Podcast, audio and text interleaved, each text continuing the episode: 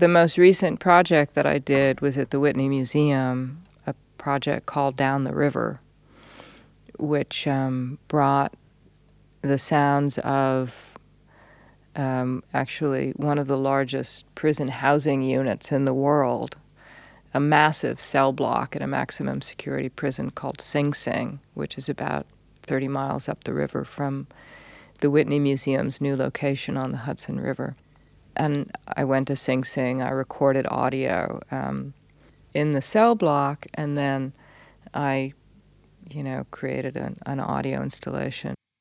I was invited by the Whitney Museum to do a project in you know this massive space that they have, which is 18,000 square feet. It's 300 feet long. It has you know walls of windows on either side, and mostly it had been closed up. But they decided to open it up and invited five artists to do projects in there. And you know, first of all, you have this incredible spectacle this architectural spectacle, the spectacle of space, the spectacle of these sweeping views. I mean, talk about an Instagram moment. You know, and it was clear you you can't compete with that. um, but those kinds of spaces that museums, you know, build are part of what kind of sucks artists in to this cultural spectacle and to competing, you know, uh, on scale and to these expanding economies of scale in the art world. Oh, we have to make these massive gestures to fill these massive spaces to get this media and to get these retweets and the Instagram. And so, of course, artists are, are participating in that. And they're driven, you know, by their own ambitions, but also by, of course, the way that competition has sort of developed in the in the field and has been driven by also by museums. So that's one of the reasons I decided like not to put anything in this to leave the space completely empty.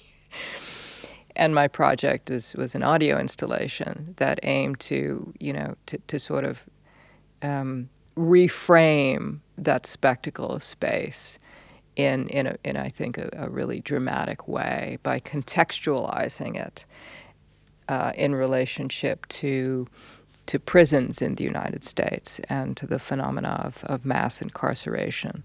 So the United States in the past 30 years has seen, in fact, a parallel boom in museum construction and prison construction a phenomena that I find just, you know, absolutely uh, horrifying, but represent this extreme polarization of society, you know, in America between these institutions that represent all these freedoms, you know, and these, you know, tolerance and diversity and, you know, creativity and so forth, and these institutions of incarceration that take away freedom that punish transgression, that are de facto forms of racial segregation and economic segregation.